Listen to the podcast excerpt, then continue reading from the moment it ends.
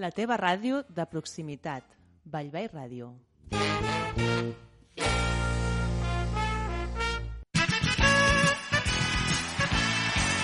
Molt bones, Bilbei. Una vegada més amb vosaltres, amb el desig que ho passeu molt bé.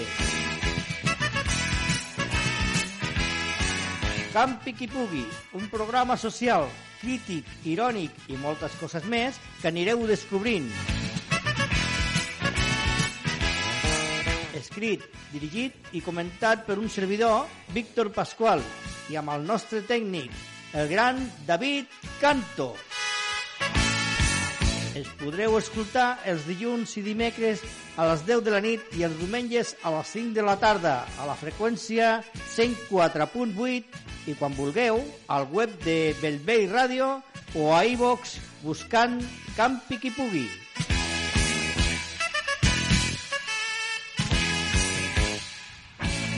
I estem a la setmana del 14 al 20 de desembre del 2020. I la frase d'aquesta setmana diu que la fortalesa creix en proporció a la càrrega. Aquesta frase la va escriure, la va dir Thomas Wentworth eh, Higginson, Cambridge, Massachusetts, Massachusetts, el 1823 al 1911. Va ser un pastor de l'Església Unitària, escriptor, abolicionista i soldat, va prendre eh, part activa en el moviment abolicionista a mitjan del segle XIX. Va prestar servei com a coronel del primer regiment de voluntaris de Carolina del Sur, el primer afroamericà de què es té constància. Acabada la guerra, Higginson es va lluirar la resta de la seva vida per lluitar per als drets dels esclaus alliberats, dones i altres persones desfavorecides. I avui serà amb nosaltres una cantant que es diu Magali Saré. Eh, és una cantant multiinstrumentista i compositora nascuda a Barcelona a l'any 1991, provinent d'una família de músics. Tota la vida ha format part del món del cant coral. Gràcies a això, a partir dels 9 anys, va tenir l'oportunitat de cantar amb els cors escènics infantils del Gran Teatre de Liceu, participant en les òperes de la Bohème de Puccini i l'Enfant eh, Les sortilelles de Maurice Ravel. I als 12 anys va estrenar va estrenar-se cantant de solista en una òpera infantil al Teatre Lliure de Barcelona el 13 d'abril del 2018, llença el seu primer disc com a líder eh, Cançons d'amor i dimonis. Durant el 2019, la Magali va estar nominada en diversos premis. A més a més d'actuar, la Magali imparteix classes de camp modern, jazz i combo al grau superior del taller de músics. Sin més preàmbuls, anem a escoltar una cançó que diu Venim a aquest món.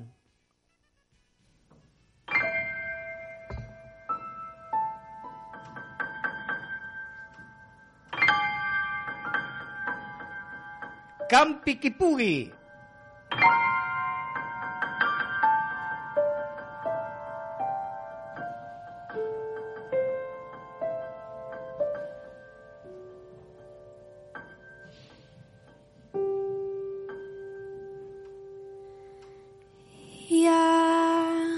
Persones que arriben mm, molt abans que tu ja hi fossis. I d'altres les veus venir perquè tu ja ets aquí. I d'altres que les sents arribar ai, ai, ai, perquè encara no ets allà no. I persones que mai no coneixeràs tant del futur com del passat i persones que per desgràcia se'n van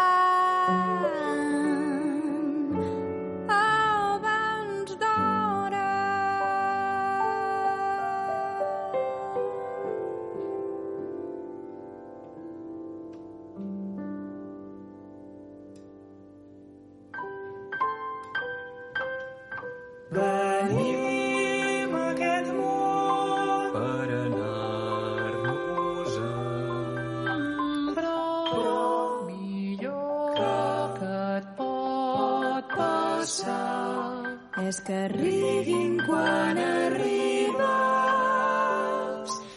i que plorin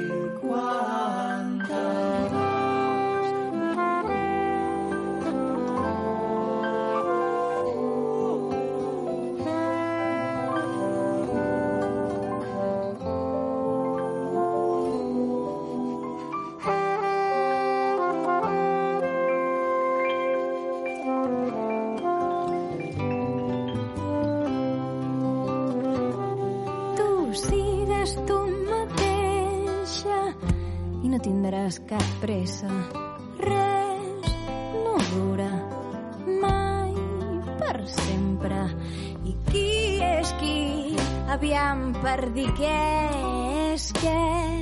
Immòbil. Tot no seria res.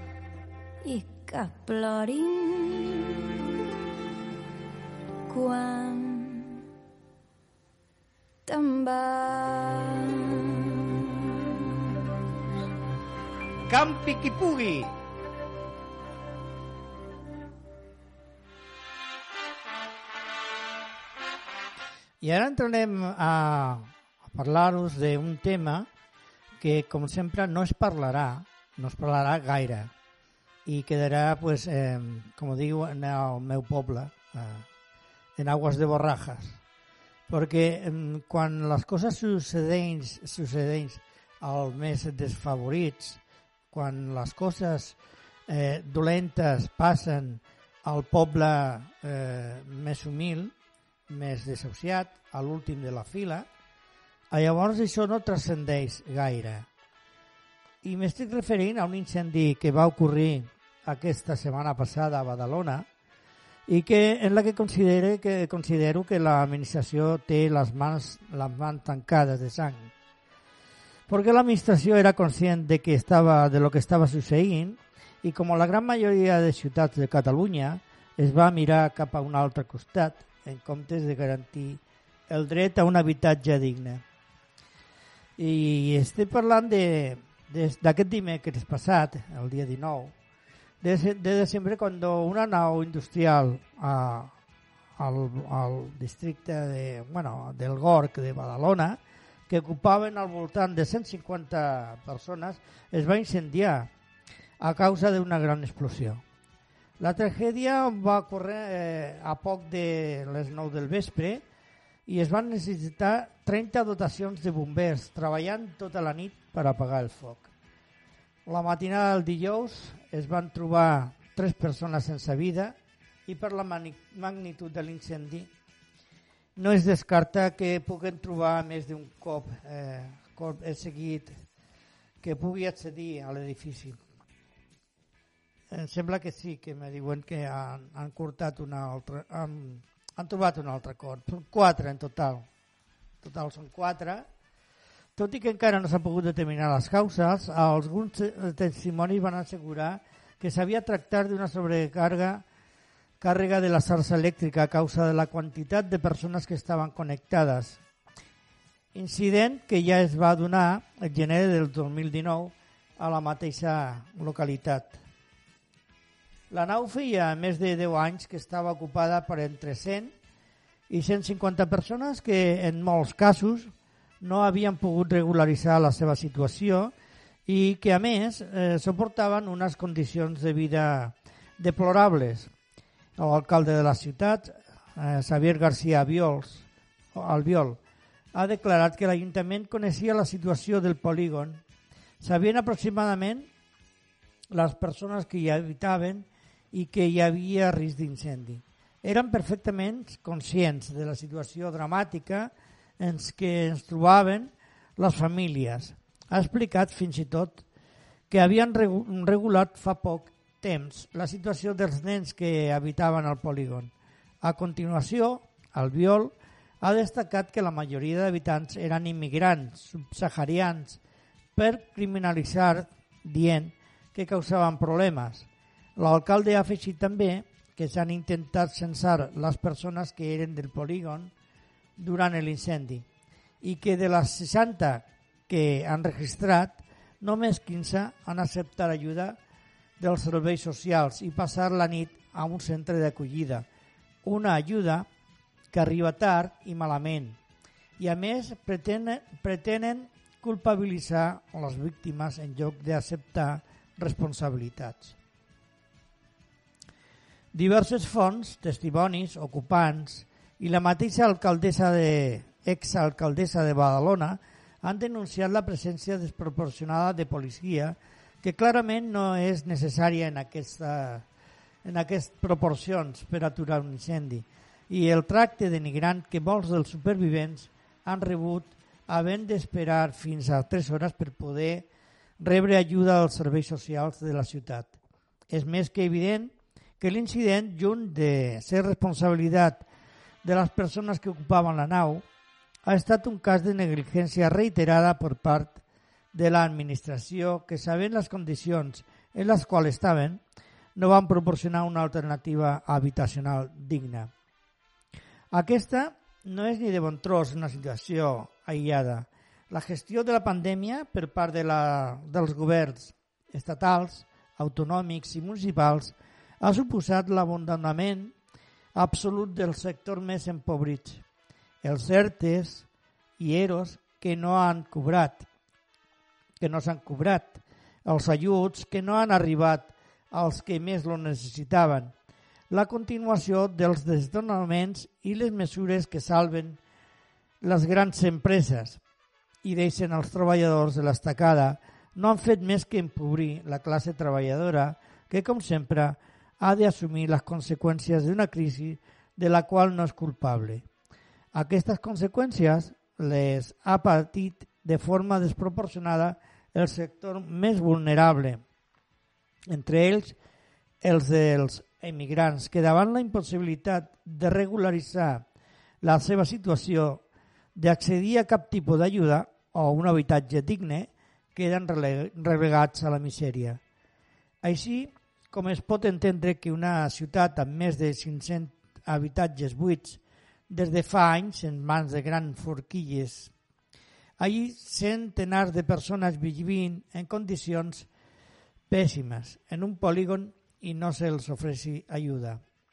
Per això exigim un pla de soc sociosanitari per la classe treballadora, la joventut i el poble pobre, començant per la prohibició real de tots els desnonaments i tots els acomiadaments i passant també per l'expropiació dels pisos buits en mans de grans forquilles, la suspensió del deute amb els bancs prioritzant el benestar de la població abans que els grans que els guanys el, dels banquets i grans empresaris. És imprescindible, a més, la derogació de la llei d'estrangeria i la regularització de totes les persones immigrants, la garantia d'habitatges d'ingressos suficients per tota la classe treballadora. D'altra banda, sabem que aquestes mesures mai seran promogudes per Xavier García Albiol, que tot i conèixer la situació que és donava al polígon, només ha mirat cap a un altre costat durant tot aquest temps, sinó que a més ha volgut defugir la seva responsabilitat criminalitzant les víctimes. Les seves polítiques racistes i profundament classistes han resultat assassines. Per això exigim la seva dimissió. L'administració era conscient del que estava succeint, succeint i com la gran majoria de ciutats de Catalunya es va mirar cap a un altre costat en lloc de garantir el dret a un habitatge digne. Mai falta temps per salvar les, grandes, les grans empreses. Es, pretén, es prenen les mesures que siguin necessàries per rescatar els bancs, però no hi ha pressa per salvar la vida de la gent humil i treballadora. El rebot, els rebrots fulminants a les residències de la gent gran, la manxa de transports públics a plena segona onada, els constagis en massa entre treballadors irregulars en el camp, són més eh, són, si no més, alguns exemples. El que ha passat a Badalona és una expressió més d'un sistema on pocs segueixen enriquint-se a costa de la vida i la salut de la gran majoria. Amb tot això, volem transmetre tot el nostre suport als familiars i amics de les víctimes en un moment així en quan més fàcil es fa comprendre el fet que, tal com deia Rosa de Luxemburg, es tracta de socialisme o barbàrie. Tenc que dir que, que és igual, eh, no és excusa que estigui ara mateix el senyor García Albiol al cap de, de l'administració de l'Ajuntament, que sigui l'alcalde. Eh, aquests fets es fa ja 10 o 11 anys que està passant. Han passat per, per l'Ajuntament diversos eh, alcaldes i, i responsables i, i tots eh, gairebé han fet el mateix, mirar cap a una altra banda. Així que, mm, si voleu ampliar més informació, podeu adreçar-vos a la pàgina de eh, caosenlared.net. Mentrestant, ho feu o no, anem a escoltar una altra cançó de Magalí Saré que es diu Cronos.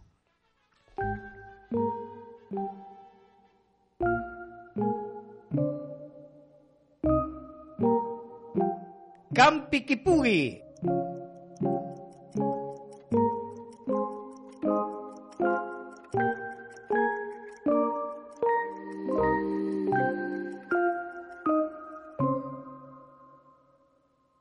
No quiero despertarme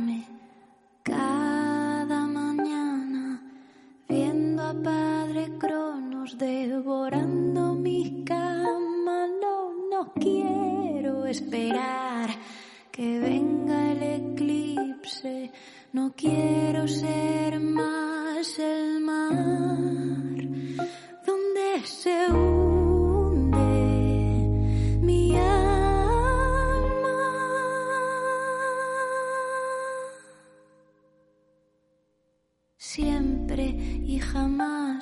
son palabras que dañan. A veces me dan ganas de tirar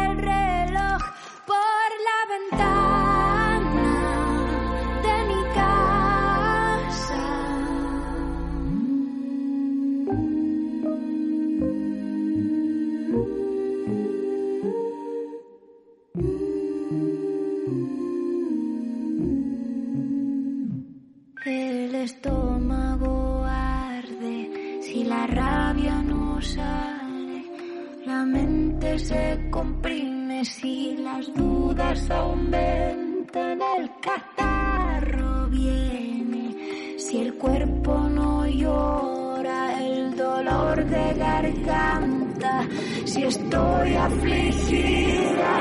Y el tiempo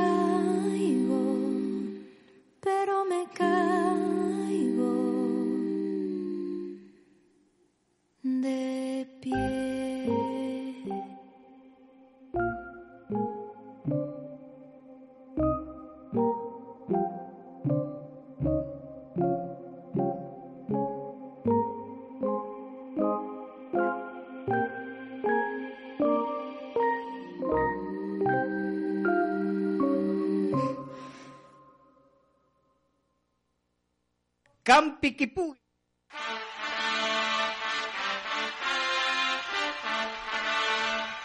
Bueno, continuem amb una notícia eh, important també, que diu que Trump, eh, que deixarà el seu càrrec el 20 de gener, es marxa enfangant, enfangant encara més la situació als territoris ocupats del Sàhara i Palestina.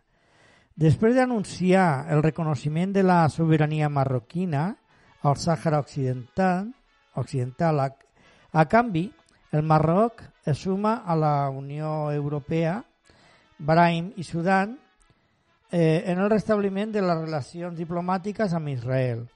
El Front Polisari a la, i la RAS demanen a la ONU que condeni la decisió de Trump Podem i, i Unides eh, i Esquerra Unides eh, mostren la seva més absolut refugi. Podem i el Partit Comunista gairebé, perquè és Unides Podem.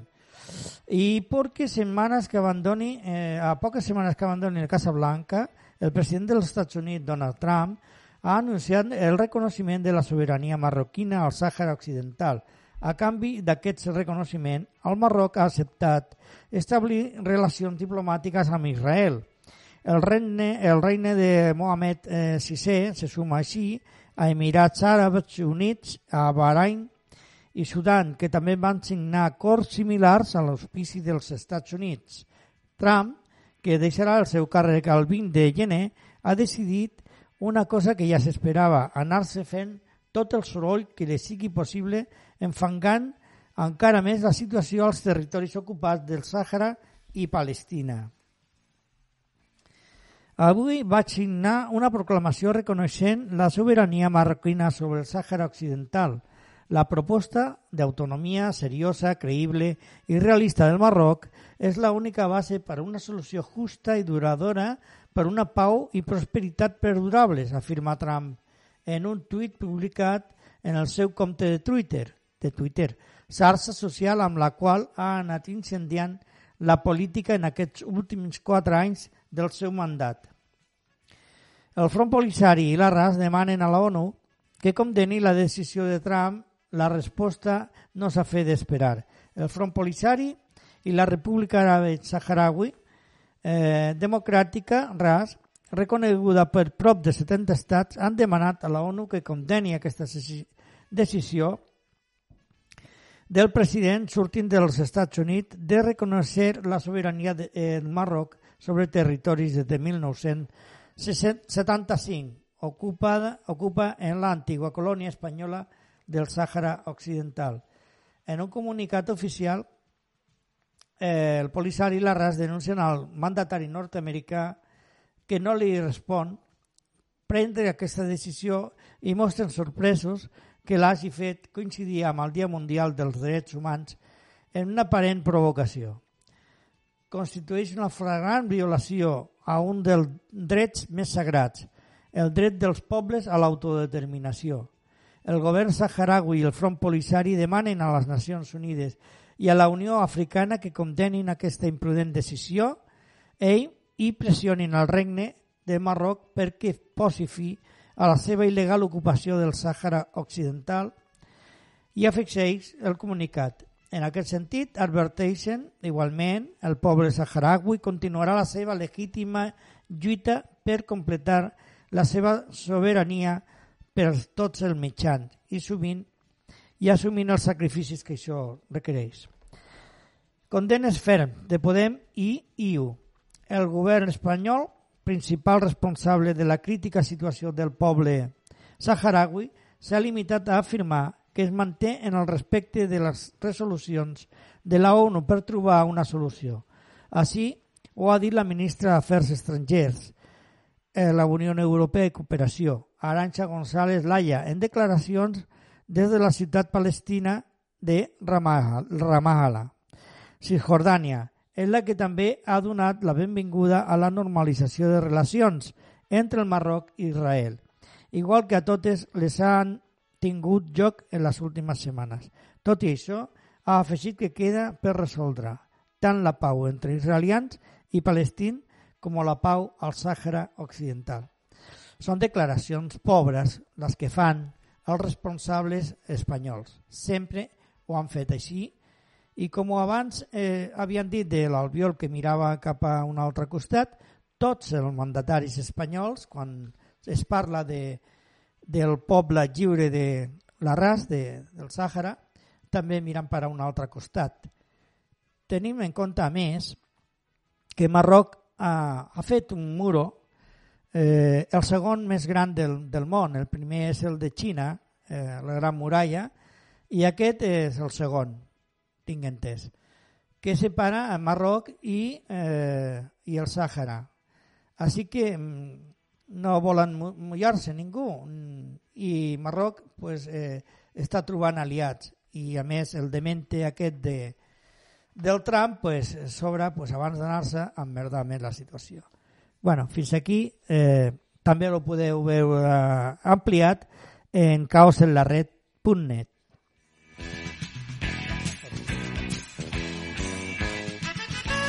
I ara escoltarem a, el mestre Antoni Bassas amb la seva opinió i l'anàlisi. Hola, com estan? Segon membre del govern d'aquesta legislatura que és jutjat pel Tribunal Superior de Justícia de Catalunya. Si el desembre de l'any passat Quim Torra va ser condemnat per la pancarta a favor dels presos al balcó del Palau de la Generalitat, ara li ha arribat el torn al conseller d'Acció Exterior, Bernat Soler.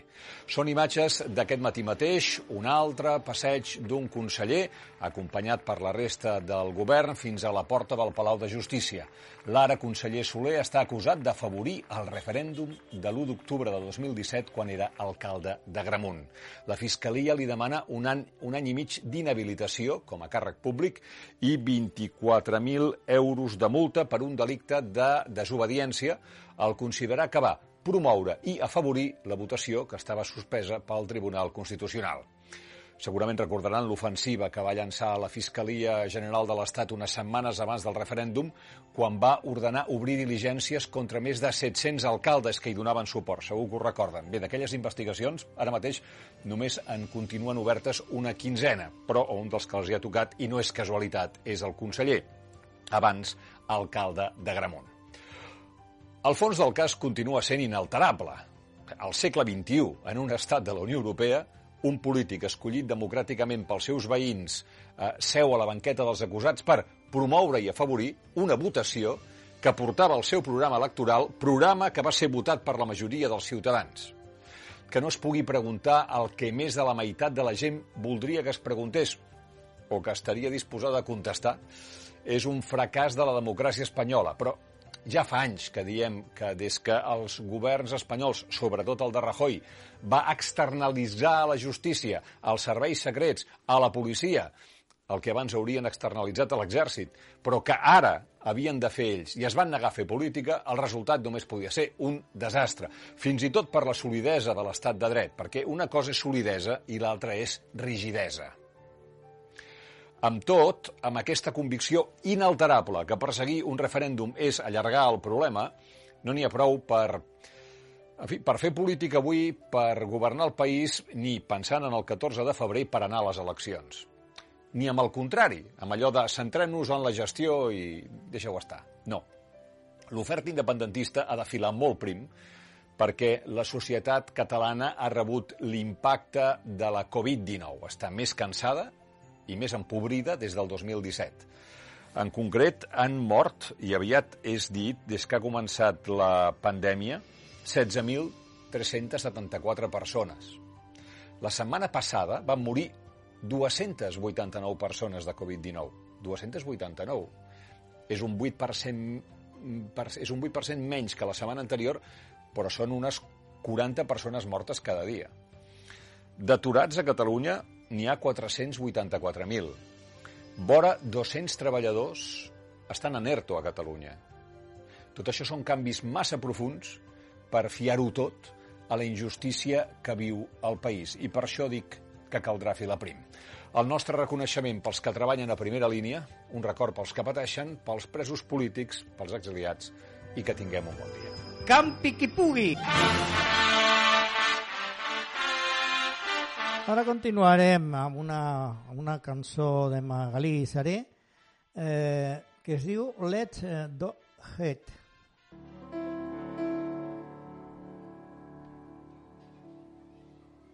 Campi qui pugui! The little bluebird who has never said a word starts to sing Spring, spring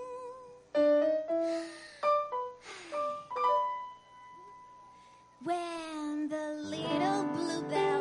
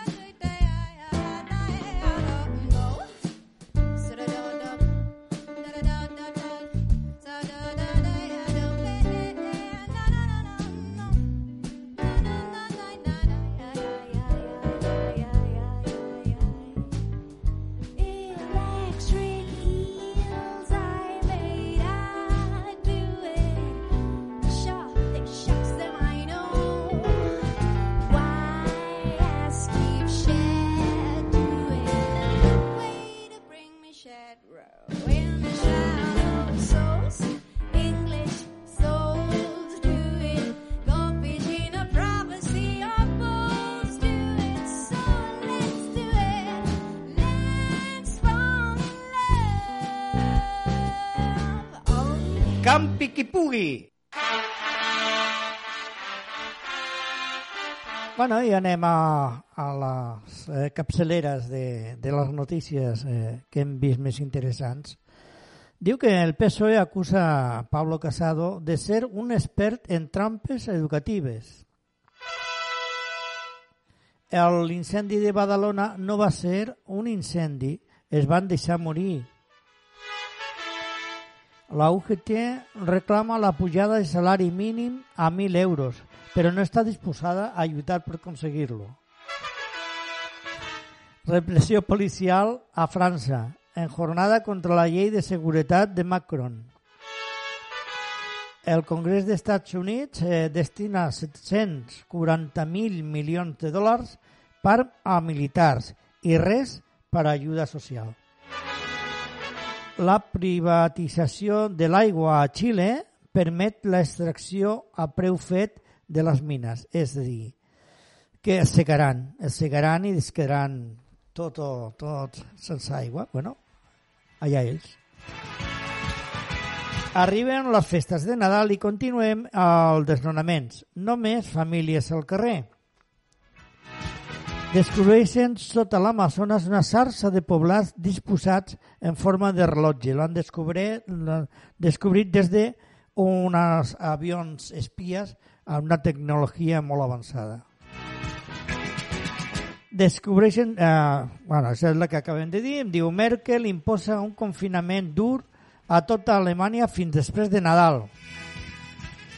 Detingut el Guàrdia Civil eh, retirat que Romania ha trinxerat des del dissabte a, casa, a la seva casa de Valladolid. La Fiscalia cursa rogatòries a Mèxic i Londres sobre els comptes de Joan Carles I. El govern inicia les negociacions per decidir si puja el salari mínim. Detingut en una mateixa nit cinc lladres multireincidents a Barcelona. I ara continuem amb la capçillera de notícies de proximitat. Neix la Arboseta, una nova moneda per incentivar el consum local a l'Arbós. La llacuna vol que el jaciment de la Serra d'Ancosa sigui bé cultural d'interès.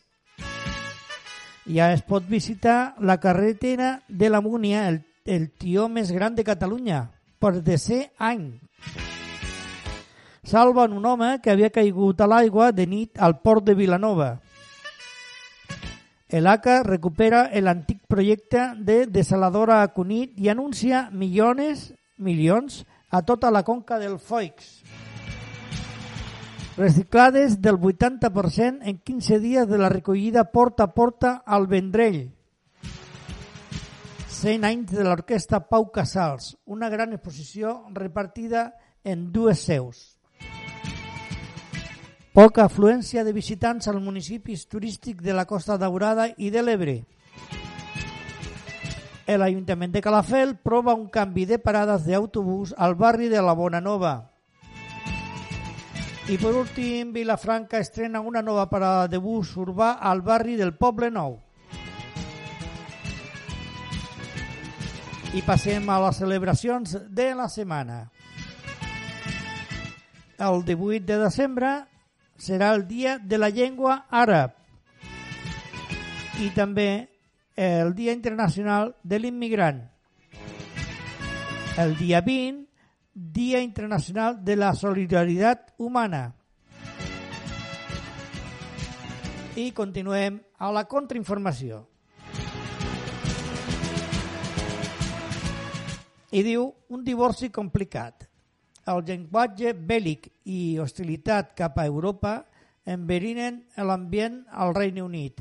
Angela Merkel, la luterana, acusada d'estar darrere de la línia dura de la Unió Europea.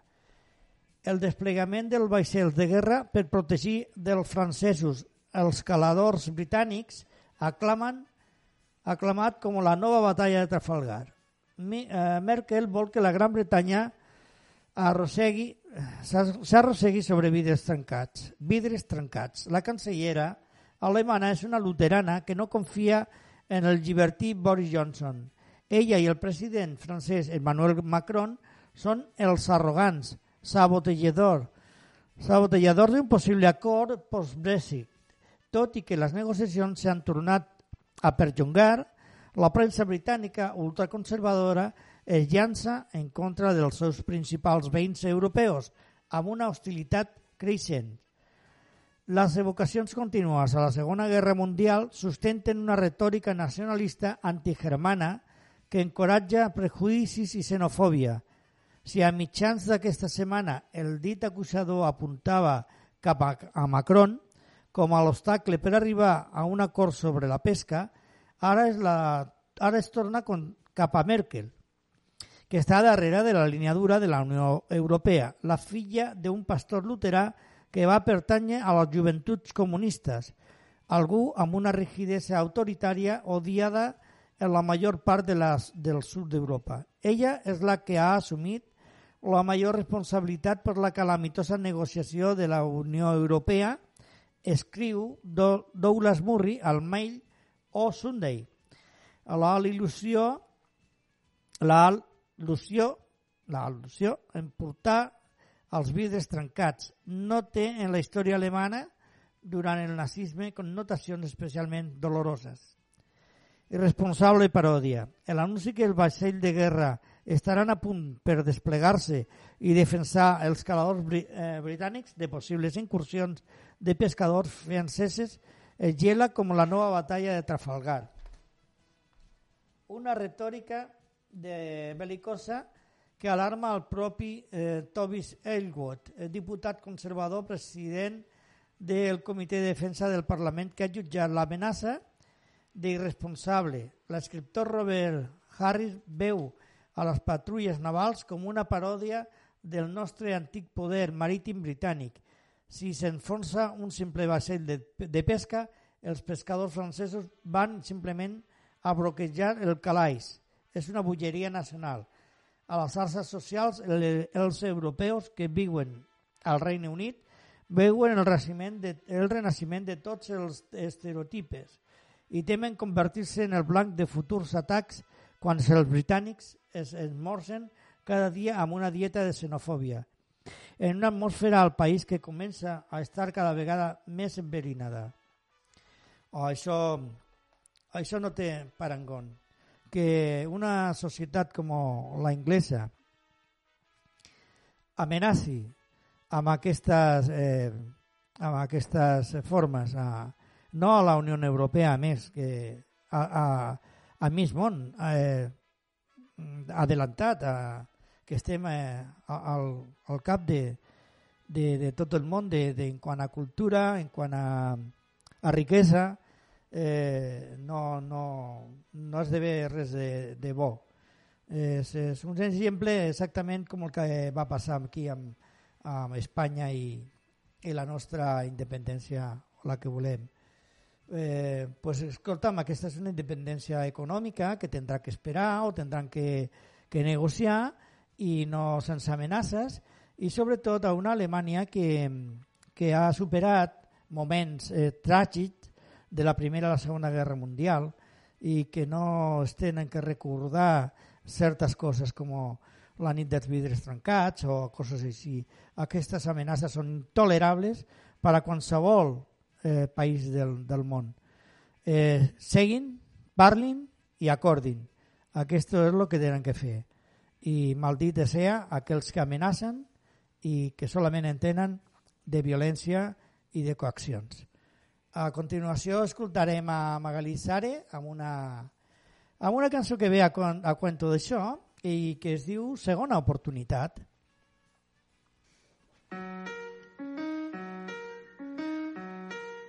Campi qui pugui! Espero no haver-me'n adonat tard del molt que m'importes i de tot el que Aquell somriure tan gran que em vas regalar. Cada matí que no el veig el trobo molt a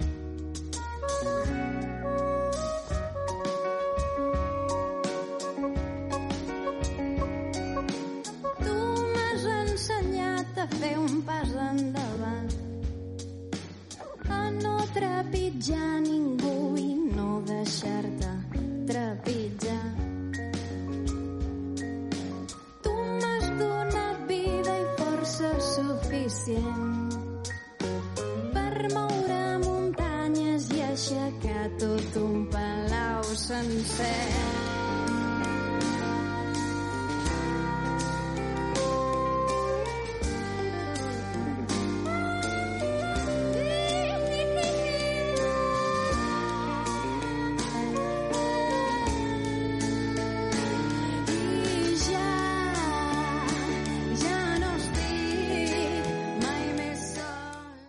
Campi qui pugui!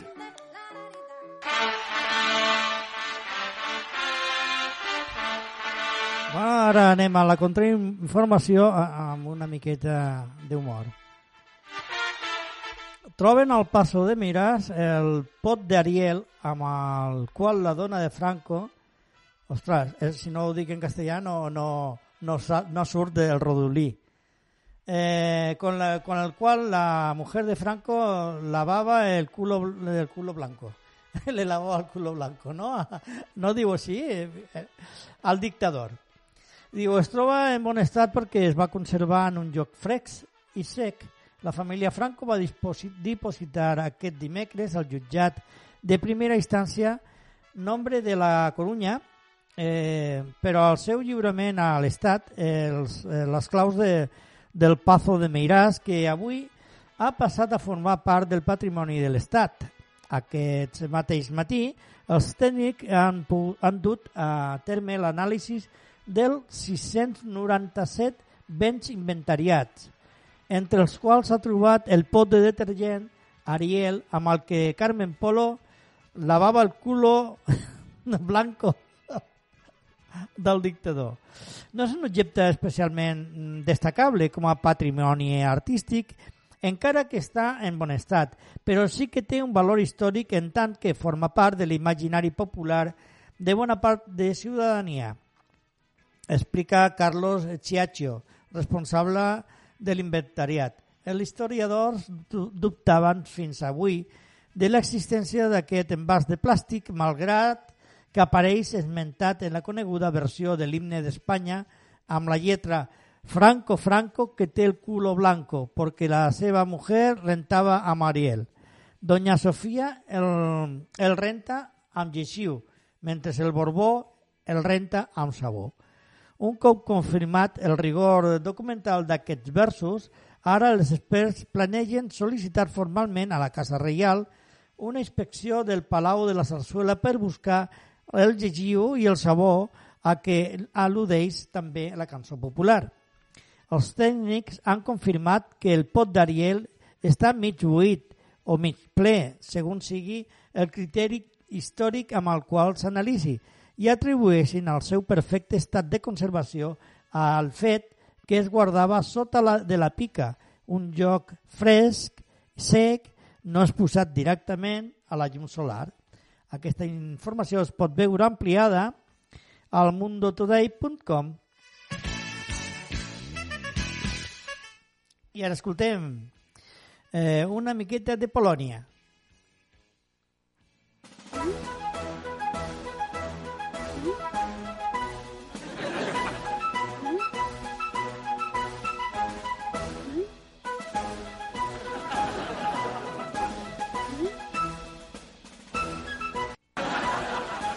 Son unos hiperventilados, pero son mis hiperventilados.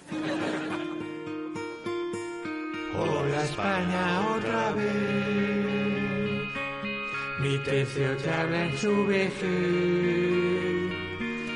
Llenándole a Felipe su buzón. Dando citas para el paredón. Y salvando entre dosis de Sintrón la nación al ruido de los sables. Otro alzamiento nacional de la brigada Carcamal. Limpiarán lo rojo y lo masón. Si antes no les falla el corazón. Y hay una colecta y se están dejando la pensión en munición al ruido de los sables les pone la casa real más que un bingo en el casal con ayuda de los Yabascal.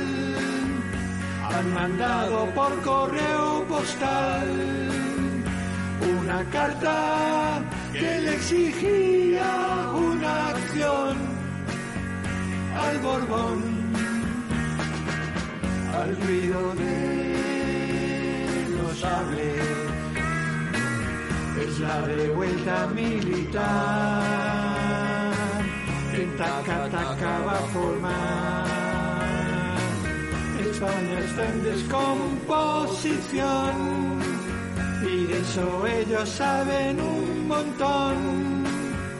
Y no habrá que salir con los tanques a la calle para acojonar al personal. Basta de sables.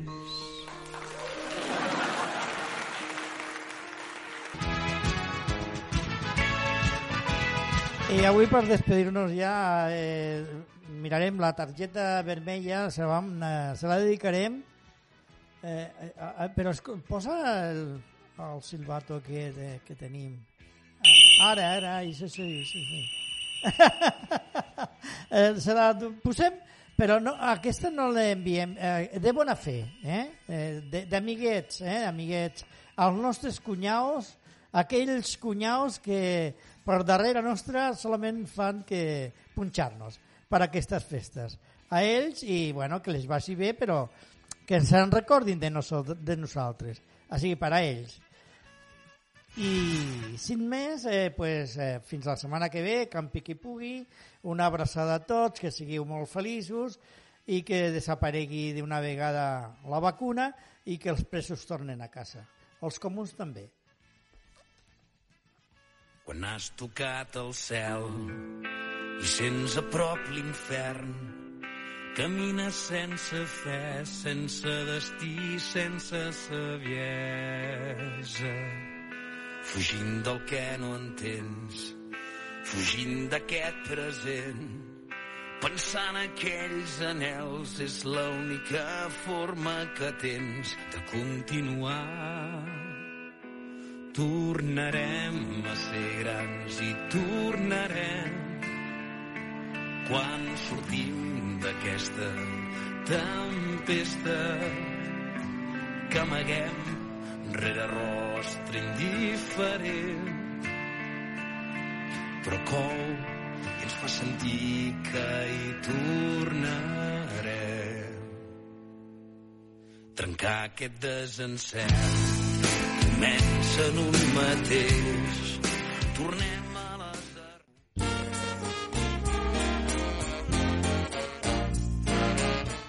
La teva ràdio de proximitat. Vallvei Ràdio. you